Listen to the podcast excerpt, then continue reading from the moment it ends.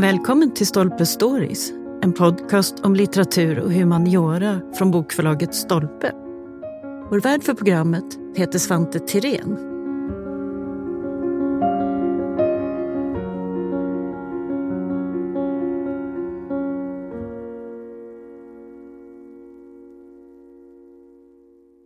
Göteborgsfödde William Chambers blev en av Englands mest framstående och berömda arkitekter under 1700-talets andra hälft. Han ritade stora palats och landslott lika väl som exotiska paviljonger, trädgårdar och inredningsdetaljer. Han skrev också flera böcker, bland annat Treatise on Civil Architecture som nu ges ut i nyutgåva av bokförlaget Stolpe. Idag är Chambers mer känd i England än i Sverige, men intresset för honom det ökar. I dagens avsnitt förklarar Magnus Olausson mer om personen William Chambers och varför han blev så berömd. Så välkommen hit Magnus! Tack! Chambers föddes i Göteborg 1722 av skotska föräldrar. Hur såg hans uppväxt ut? Eh, han eh, är ju son då till en eh, skotskättad köpman, John Chambers. Så det är kommersen som har fört hans far till Göteborg. Och det här med handel är ju någonting som är början egentligen på hans bana också. Därför att eh, han eh, blev ju redan som 17-åring anställd i det svenska Ostindiska kompaniet. Och en av direktörerna där var ju en skotte också, Colin Campbell. Mm. Och det är naturligtvis det är på det viset det hänger ihop. Va? Därför att eh, Campbell har naturligtvis sponsrat John Chambers son då. Och det är naturligtvis så också att handel är på något sätt, det är det pappan har tänkt sig att han ska hålla på med.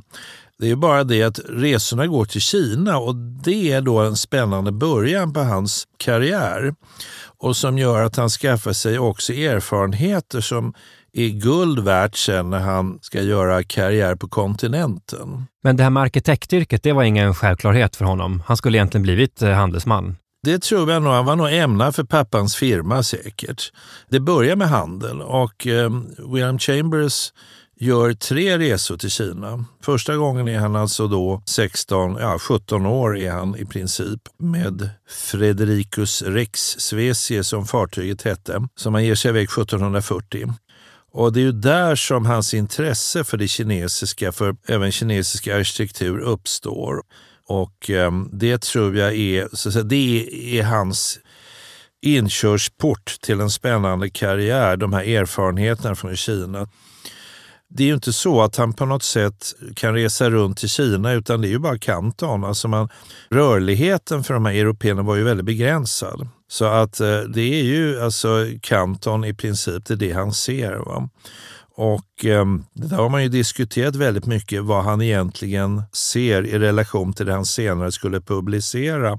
Om det är så att säga, en mix av alla möjliga europeers intryck som han ställer samman. Eh, man vet att han frågar sin bror om upplysningar också. Det tyder ju på liksom att det här stora verket som han ger ut 1757 är då en, en slags efterrationalisering. Det är inte bara hans egna erfarenheter utan han stoppar in allt möjligt i det där. Och, och det han gör är, så, det, är det, det är det som han gör karriär med helt enkelt. Det är att, att göra en slags sammanställning, en slags försöka hitta ett system i den kinesiska arkitekturen ungefär som Vitruvius skulle Aha. han göra motsvarigheten till, till det kinesiska. Och det, det kan man ju då tycka är lite lattjo. Men, men det här är ju, liksom, det är ju det som bäddar för hans stora framgång. Nu är det ju så att Chambers är ju svensk, alltså, det ska man inte glömma bort. Hans skolgång sker i England, men, men han talar svenska. Svenska är ett talat språk för honom. Ja, just det. Vi ska återkomma till det här också, just med dubbla nationaliteter. Ja. Men vet man då att hans arkitekturintresse det startar helt enkelt med det kinesiska? Det är så han får syn på, på byggnadskonsten? Ja, det är ju, han ser ju både arkitektur på vägen till Kina i Bengalen där man, där man gör ah, så att säga mellanlandar och sedan i Kina. Och um, han är ju först, biträder ju, ska vi säga, chefshandelsmannen, superkargören som de hette på resan till Kina på fartyget. Och sen blev han själv superkargör på den sista resan som han gör 1748 till 49. Så att han är djupt involverad i handeln också. Det, det, är ju det som, han åker inte till Kina för att studera arkitektur som man kan tro ibland när man läser eh, såna här uppslagsboksartiklar om honom. Utan det är, det är ju det är i det svenska Ostindiska kompaniets tjänst. Mm. Det är där han börjar. Va? Men det är ju under de här turerna som hans intresse väcks.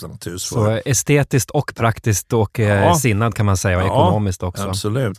När han då vet om att det är arkitekturbanan han vill gå in på, hur gör han då? Får han någon utbildning att tala om? Ja, det där är ju höljt i dunkel faktiskt och, och, lite hur han egentligen drar sig fram ekonomiskt. Men jag skulle tro att han har säkert förtjänat en hel del pengar på sin verksamhet inom, inom det Ostindiska kompaniet. För att 1749 så eh, reser han till England på sommaren. Han har kommit hem den 11 juli och det som är remarkabelt är att han redan samma sommar blir inbjuden till den eh, engelske kronprinsen Frederick, prinsen av Wales, som håller till ute på Kew Gardens och som är väldigt intresserad av det här med det kinesiska, för han ska nämligen uppföra det man kallar för The House of Confucius, alltså Confucius hus. Och eh, det är där så att säga, Chambers kommer in i bilden. Därför att han hade uppenbarligen skaffat sig ryktet att han kan det här så att säga. Han har, han har intressanta erfarenheter och annars finns det ju ingen anledning att han blir inbjuden till prinsen av Wales. Så För det går ju väldigt snabbt. Men han kommer till England och inom ganska kort tid så är han uppe i de, de högsta kretsarna. Ja, ja absolut. Detta är, är ju ett fenomen och där vet vi faktiskt inte riktigt hur det går till, va? vem som introducerar honom. John Harris som är Chambers biograf, han har gissat på att det går via Linné. Men, men det där är ju helt ostyrkt. Vi vet faktiskt inte hur det gick till. Men det som är förbluffande är att det går väldigt snabbt. För det är faktiskt samma sommar han kommer hem från Kina. Så att uppenbarligen har ryktet gått före honom på något vänster. Någon kanal som vi inte vet riktigt har öppnat dörrarna in i, i kungahuset. Och sen beger han sig raskt till Paris där han kommer att studera för en storhet inom arkitekturen. Jacques-François Blondel i hans, i hans arkitekturskola. Och där är han ett helt år, ända tills han sen fortsätter till Rom någon gång under 1750 och så vidare. Så, så han gör sin Grand Tour, den här så att säga, resan, bildningsresan? Han gör sin bildningsresa och man kan säga det att han måste nog ha utvecklats väldigt snabbt som konstnär eller arkitekt därför att vi har nämligen en bevarad ritning från Bengalen. 1748 när han är på väg till Kina som är en planritning och den är väldigt primitiv, alltså väldigt enkelt utförd. Så att eh, det här gick väldigt snabbt. Men den här historien är alltså delvis okänd. Hur, alltså omständigheterna kring hans karriär i början. Vi vet inte särskilt mycket om det faktiskt. Utan där, det är mycket gissningar hit och dit. Men det man kan säga är i alla fall att han, han var svensk fortfarande. Han reste som svensk eh, på svenskt pass uppenbarligen för han fick introduktionsbrev av den eh, svenske ambassadören i Paris, Carl Fredrik Scheffer, eh, när han skulle vidare sen till Italien. Mm. Och då ska man inte glömma bort heller att engelsmän kunde inte resa hur som helst på kontinenten därför att det utrikespolitiska läget var väldigt känsligt mellan Frankrike och England. Och det gjorde det att det var ingen fri rörlighet för en engelsman. Så att det var en klar fördel att Chambers var svensk faktiskt när han reste till Frankrike och vidare till Italien. Det där har man ofta glömt bort faktiskt betydelsen av, men det spelade en ganska stor roll. Så vi ser det egentligen att för Chambers del, att han var en outsider, det kunde man uppfatta som något negativt från början, men det var faktiskt många gånger en tillgång för honom. Han var han friare. Kom, han kom utifrån, han var svensk, han reste med svenskt pass, han studerade fransk arkitektur, han studerade den romerska italienska arkitekturen och erfarenheterna från Kina. Allt det där så att säga sammantaget gjorde honom attraktiv sen när han väl kom till England. Och det gjorde han ju definitivt 1755. Och då hade han rest fram och tillbaka mellan Paris och Rom några omgångar och träffat en hel del spännande svenskar i Paris också, Roslin eh, bland annat. Men 1755 uppenbarligen så beslutade han sig för att nu ska han börja i England sin karriär. Och det sker samtidigt som det kommer till ett intermezzo och det är eh, engelsmän öppnar eld mot en fransk flotteskader utanför den nordamerikanska kusten. Så att det sker alltså samtidigt som han då bestämmer sig nu ska han börja i England. Och det var väl i sista sekunden så att säga. Mm. Och sen är han ju inte ute och rör på sig. Han reser inte till Paris för 1774. Så att det är så att säga, mot bakgrund av det politiska skeendet så sker hans egna förflyttningar också ska vi komma ihåg. Mm. Eh, men eh, då kommer han till London och efter två år så blir han presenterad för änkeprinsessan av Wales. Nu har ju Fredrik dött som han träffade 1749 och efterlämnat en son som är den blivande Georg den tredje som blir kung 1760. Och han blir då 1757 så har han turen att bli arkitekt åt änkeprinsessan av Wales, Augusta. Och eh, Det är ute på Kew Gardens och det är där han börjar då rita alla dessa tempel och byggnader av olika slag som sen gör honom rätt berömd. Och han blir också lärare åt eh, kronprinsen George då. Som är också känd för sitt arkitekturintresse Exakt, senare. och ja. det är Chambers då som lär upp honom helt enkelt. Som blir hans lärare i arkitektur och som blir hans, så att säga, confident, som mm. blir hans förtrogne, hans, hans rådgivare och som naturligtvis kungen puffar för successivt. Man ska ju komma ihåg det att eftersom Chambers är en outsider, han har alltså öppnat då en arkitekturpraktik i London, anlitas av den engelska aristokratin, men han är inte, ska vi säga, ännu accepterad i det engelska etablissemanget vad gäller, vad gäller arkitekter och konstnärer. Eh, utan det sker via den här kungliga kontakten så blir han så småningom utnämnd till kunglig arkitekt efter franskt mönster, alltså det här konungens första arkitekt. Eh, eh utan, det, det, var en hederstitel, det var ingen formell ställning i det engelska överintendentsämbetet, alltså statliga byggnadsstyrelsen, utan det sker för, först tio år senare så blir han arkitekt där och så småningom blir han ju engelsk överintendent. Men det är liksom väldigt beroende just på den här kontakten med George mm. III som gör att hans karriär tar fart. Ja. Men, men, men, man ska komma ihåg att han har hela livet ut sina motståndare som uppfattar honom som en, en, en intruder, som en, en, en, en, någon som kommer utifrån och stör så att säga och som har helt andra liksom, arkitektoniska ideal. Och det där ska man inte glömma bort. Han, han är alltså en, en outsider. Och det är både plus och det är minus. Eh, och han, han är uppenbarligen så oerhört skicklig på att liksom anpassa sig också och socialt begåvad att han övervinner det här motståndet väldigt snart. Alltså. Det, det, det är det som gör det så intressant. Ja, för han är ju en oerhört energisk person. Alltså, vi ser ju här att han gör blixtkarriär, han får den här kungliga kopplingen. Han är outsider som du säger, samtidigt så tar han sig ändå in i etablissemanget och mm. så vidare. Om man tänker på det han gör, alltså hans arkitektur, även där har vi en stor bredd i allt. Va? Han ritar små och stora byggnader, det är trädgårdar, det är det nyklassicistiska, det är det kinesiska. Mm. Vad kan man säga, vad är det för slags kreativ hjärna som Chambers har? Till en början med så går det ju inte så bra därför att han föreslår efter ett kontinentalt franskt och italienskt arkitekturmode ett herresäte för en engelsk lord. Och eh, det gillar inte den här beställaren alls. Han vill ha en, en traditionell engelsk palladiansk villa, alltså en palladiansk arkitektur. Men det som händer då det är att han väldigt snabbt ändrar sig.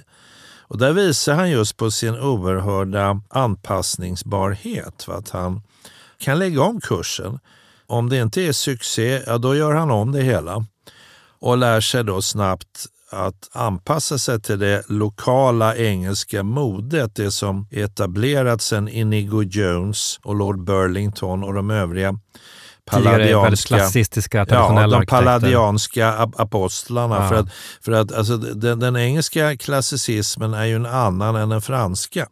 De följer Palladio. Och eh, det har han uppenbarligen inte fattat då fullt ut. Eller så tyckte han att han ville göra det lite bättre. Men han får anpassa sig. Och det gör han, men man anar hela tiden hans franska eller italienska ideal i bakgrunden. De finns där.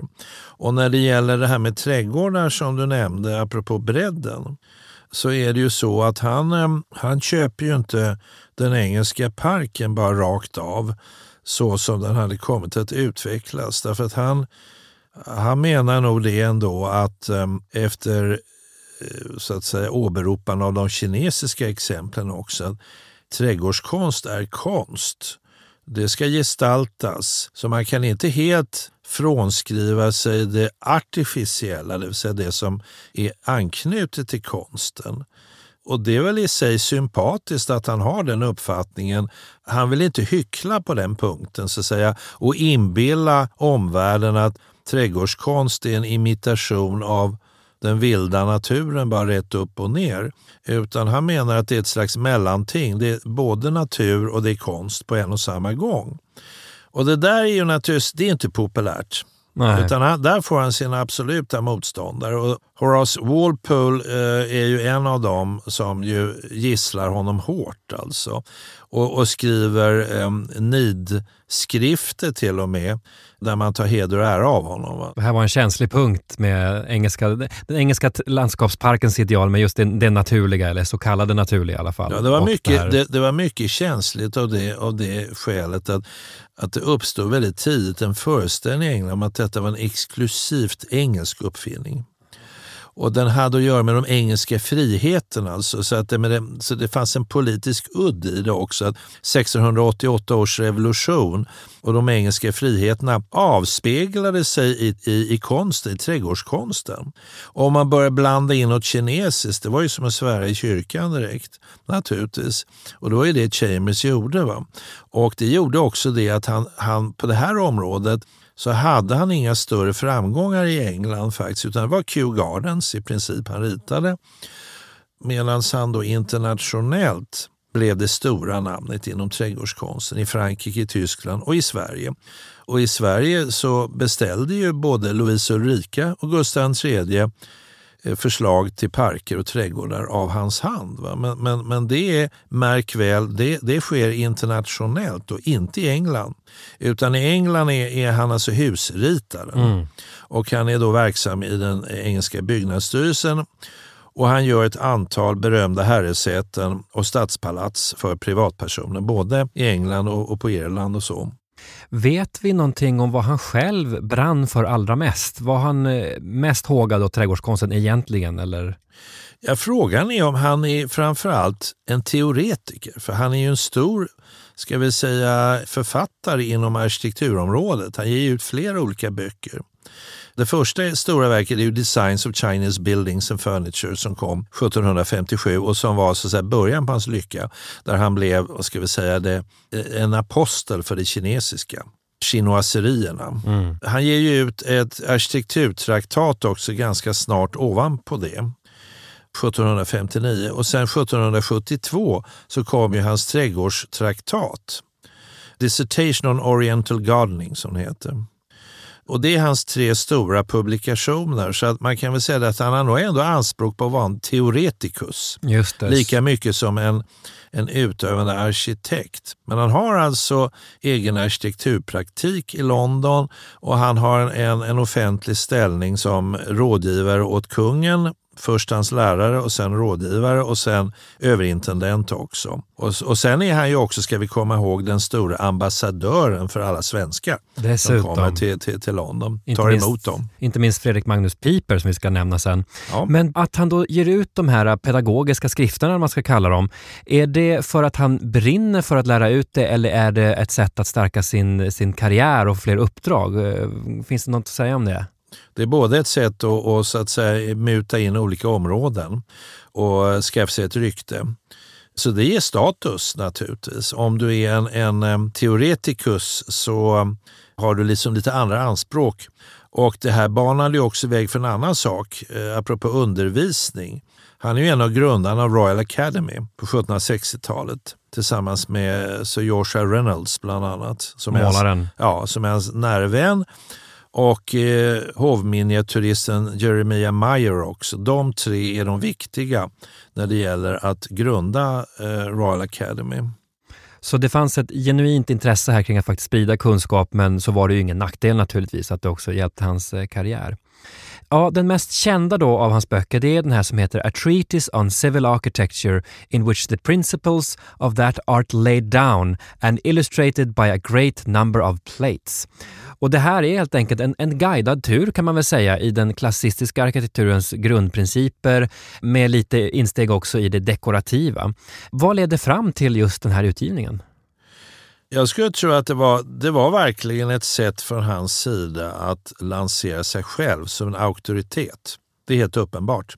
För det här sker i början av hans karriär i England. Han har då givit ut den här kinesiska publikationen två år tidigare och nu bäddar han så att säga för civilarkitekturen och sitt namn som stor arkitekt helt enkelt i, i England. Så det, jag skulle säga det, det, det här är en mycket medveten strategi i karriären. Det, här. det är det. Men den får ju ett väldigt fint eh, mottagande. Den här eh, sprids i flera olika upplagor och den har ju uppenbarligen haft eh, inflytande. Absolut, och det är väl också så att en av poängen är väl också att han, han var inte ortodox som klassicist heller, utan han, har liksom en, han är en pragmatiker i hög grad. Det framgår väldigt tydligt av det här verket. Så att det gjorde den väldigt användbar naturligtvis, av många skäl. När man då tänker sig sådana här böcker som är så pedagogiska, vilka var det som man tänkte sig skulle använda dem? Var det mest för andra professionella eller var det också för beställarsidan, de som skulle kanske bygga någonting eller så? Du tänker på den lärde beställaren så att säga. Ja. Gentlemannen eh, som, där man förutsatte att de själva skulle kunna hålla i pennan egentligen. Att vara sin egen arkitekt. Och det var ett ideal, så att säga, aristokratiskt ideal det här. Att vara sin egen arkitekt. Inte för inte var ju Georg den tredje mycket arkitekturintresserad och ritade själv och det var han nog inte så säga, bara av, av, av purt intresse utan det, det liksom förväntades av, av en herreman överhuvudtaget att kunna det här. det ingick i idealet. Ja. Um, de här böckerna han ger ut, det är ju det mest, kanske mest bestående vi har kvar när det kommer till att förstå hur han tänkte, hur han planerade saker och ting. Men det finns ju också ett stort antal byggnader och platser kvar som är bevarade efter Chambers. Ja. Kanske är det mest kända Somerset House i London vad är det för, för plats och för byggnad? Ja, det var ju tänkt som ett, ett statligt förvaltningskomplex för olika ministerier eh, med en uniform eh, ska säga, karaktär kring en, stor öppen gård och ligger vid Themsen också. Ett stort klassicerande byggnadskomplex, väldigt imponerande. Så att eh, det var en rad olika ministerier som samsades om plats i, i den här jättebyggnaden. Och eh, det är alldeles riktigt, det är ju det som är hans huvudverk egentligen i, i, i London. Men eh, du sa ju tidigare att han var mycket mångsidig och det en av de här sakerna som många tror jag inte är medvetna om det är ju den här magnifika gyllene karossen som nu ska ut och rulla i samband med kröningen. Den har ju Chambers ritat. Just det, så en, en sån glamorös sak som en, vad är en galavagn, vad kallar man det? Galakaross? Ja, och den är ju då inte en den består inte av massa kolonner, den är inte klassicerande, utan det är ju en barock skapelse. Alltså den är ju, det är ju en, en, en barock eller rokokoskapelse, vilket ju då kan förbrylla för en arkitekt som är svuren åt klassicismen. Så ganska snart kommer vi se en, en Chambers-ritad paradvagn rulla ja, ut den är kröningen? Den är ju egentligen fullkomligt omöjlig som pjäs med massa skulpturer som liksom brölar runt på den här karossen förgyllda. Och det är ju helt oväntat liksom att, att det är ett verk av Chambers. Men det visar väl kanske på hans mångsidighet, men också tror jag en annan spännande sak och det är det att Barocken står för det konungsliga. Det står för makten. Så det är liksom ingen slump att det Chambers väljer den, om vi nu får kalla det för stilen, när han formger den här stora praktkarossen, galavagnen, kröningsvagnen, som då ska liksom symbolisera monarkins härlighet, ja då blir det en korsning av barock och rokoko. Men absolut ingen klassicism. Hans karriär när det kommer till att rita byggnader, den äger framförallt rum i England. Hans bokliga inflytande, vi säger så, det sker över hela Europa. Men hur är det i Sverige? Du nämnde att han ritade i några parker, bland annat då det svenska kungahuset. Blir någonting av i Sverige av Chambers idéer? Ja, jag skulle tro att de få spåren av någonting är väl ute på Svartsjö i så fall. Någon slags embryo till de här slingrande promenaderna som man började anlägga. Svartsjö slott utanför ja, Svart, Stockholm. Svartsjö slott, ja. Det är väl det som närmast som det blev någonting av. Men när det gäller Ulriksdal för Gustav III, där blev det ingenting av det. Vi har kvar en plan som ligger i Slottsarkivet som är ganska magnifik. En av de få bevarade trädgårdsritningarna av Chambers för övrigt. Men den blev ingenting av och det berodde på att kungen, Gustav III, bytte fot väldigt snabbt. Hans intresse flaxade en hit och en dit. Först var det Ekolsund, sen var det Ulriksdal och sen blev det plötsligt Drottningholm när han hade löst in slottet från sin mamma 1777. Men den här planen över Ulriksdal den gör Chambers någon gång några år tidigare, 1774-75. Så det, det, det, kungens intresse det färdas snabbt mellan olika ställen och det är det som är skälet till att det inte blev någonting av, av eh, genomförandet där helt enkelt. En som träffade Chambers i London eh, var den svenska orientalisten Jakob Jonas Björnstål. Och han skriver så här om Chambers. Han räknar sig för svensk och talar även språket alldeles som en svensk. Han hedrar verkligen vår nation. Han har ett ganska vackert hus där han emottager svenskar och undfägnar dem på ett förstelikt vis. Och det här är från ett besök alltså 1775 av Jakob Jonas Björnstål. Det här med att ha de här dubbla nationaliteterna, hur hanterade den här med att kunna vara svensk medborgare men samtidigt brittisk också? Han blir ju adlad i Storbritannien. Ja, han blir egentligen inte adlad utan det finns ett mycket speciellt engelskt uttryck för detta. Att han, he Sir Williamized himself. Och Det betyder att hans titel var egentligen hängde på att han hade blivit riddare av Nordstjärneorden. Knight of the Polar Star.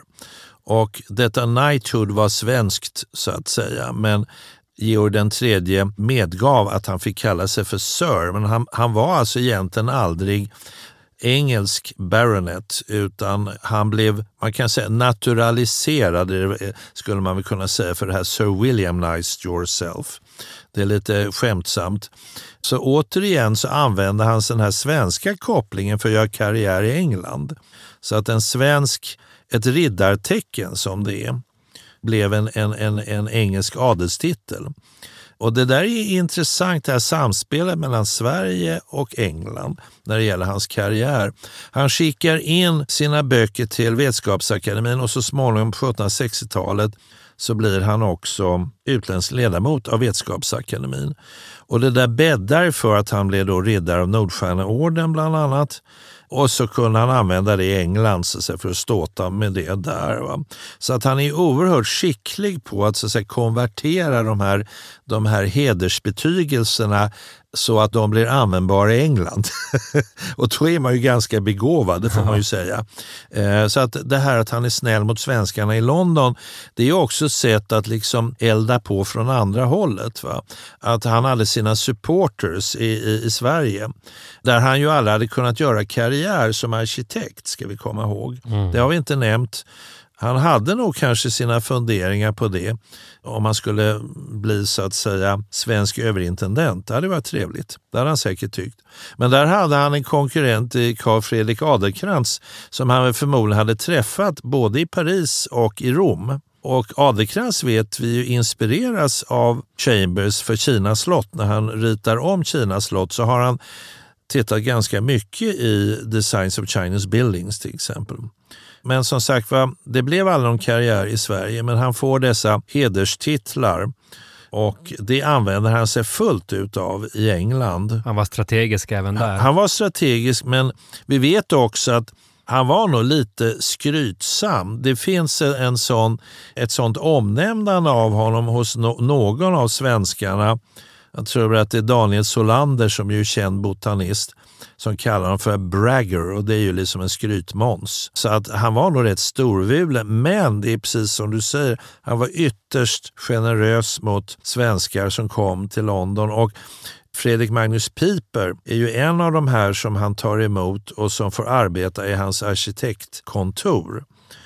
Och Piper blir han lite sur på därför att eh, han säger det att Piper är så många svenskar vill tjäna pengar men dra sig fram så att säga på det viset när egentligen det skulle varit en så att säga obetald praktik. Och när det inte passar Piper så sticker han iväg till Frankrike och sen till Rom. Och det gör Chambers sur. Han har beklagat sig i ett brev till Fredrik Henrik av Chapman som han kände. Den kände skeppskonstruktören och amiralen av Chapman att han tycker att Piper är en lurk egentligen som bara stuckit iväg, liksom lämna, efter ett år lämnat hans arkitektkontor för att han ska dra vidare till Paris och, och till Rom. Så det var inte bara frid och fröjd minsann. Det var känslor också. Ja. Chambers han dör 1796 och som vi sa tidigare så trycks ju hans eh, verk i flera upplagor och han är ju idag en verklig ikon inom den engelska arkitekturhistorien. Men hur känd eller okänd är han här hemma i Sverige skulle du säga idag? Jag tror att i Sverige han, förknippas han framförallt med chinoiserierna, kineserierna, alltså Designs of Chinese Buildings och Kinas slott. Det är det man förknippar honom med och, och trädgårdskonsten. Om han alls är känd, det, är inte, det kan man inte ta för givet. Nej. Men eh, eh, jag tror bland eh, de som är konst och kulturintresserade eh, som känner till honom, då, då handlar det nog framförallt just om det här Kina-modet som han blev känd för. Mm. Till sist då, Treatise on Civil Architecture, den är ju faktiskt ganska lättbegriplig. Man förstår tydligt vad det är han menar och även planscherna och så är ju ganska lätta att hänga med i. Vad tycker du är det viktigaste att ta med sig om man ska lära sig någonting här av Chambers och hans eh, arkitekturtänkande? Oj, det var en jättefråga. Eh, det som gör honom spännande är ju den här kombinationen av pragmatiker, elegans, att han lyssnar in ska vi säga, beställarnas önskemål, socialt begåvad. Eh, den kombinationen var ett framgångskoncept. Och det tror jag han tillämpar också som konstnär och arkitekt i hög grad. Den, det här förmågan att kombinera olika faktorer av det här slaget.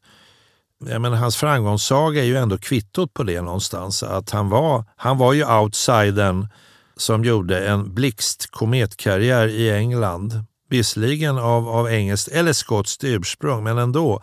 Han var ju ändå född i Sverige och svensk medborgare från början men lyckades alltså på ett oerhört elegant sätt göra karriär och det är väldigt snabbt. Så där imponerar han faktiskt. Han hör ju till den här raden av 1700-talssvenskar. Roslin, Hall, Laffrensen, och Chambers då som gör såna här som kometkarriärer utomlands. Och det är fascinerande tycker jag. Det är oerhört intressant. I den, ska vi säga, globala tid vi lever i idag ska man ju inte glömma bort att man på 1700-talet kunde göra exakt detsamma faktiskt. Mm, Med precis. framgång. Internationalisering är verkligen inget nytt eh, fenomen. Nej, exakt. Vi får se hur Chambers stjärna kommer fortsätta att lysa här då hemma i Sverige också. Tusen tack för att du kom hit Magnus. Tack ska du ha. My pleasure.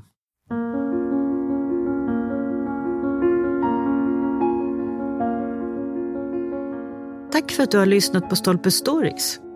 Missa inte att du som lyssnar har 20 rabatt på bokförlaget Stolpes titlar hos Bokus.com.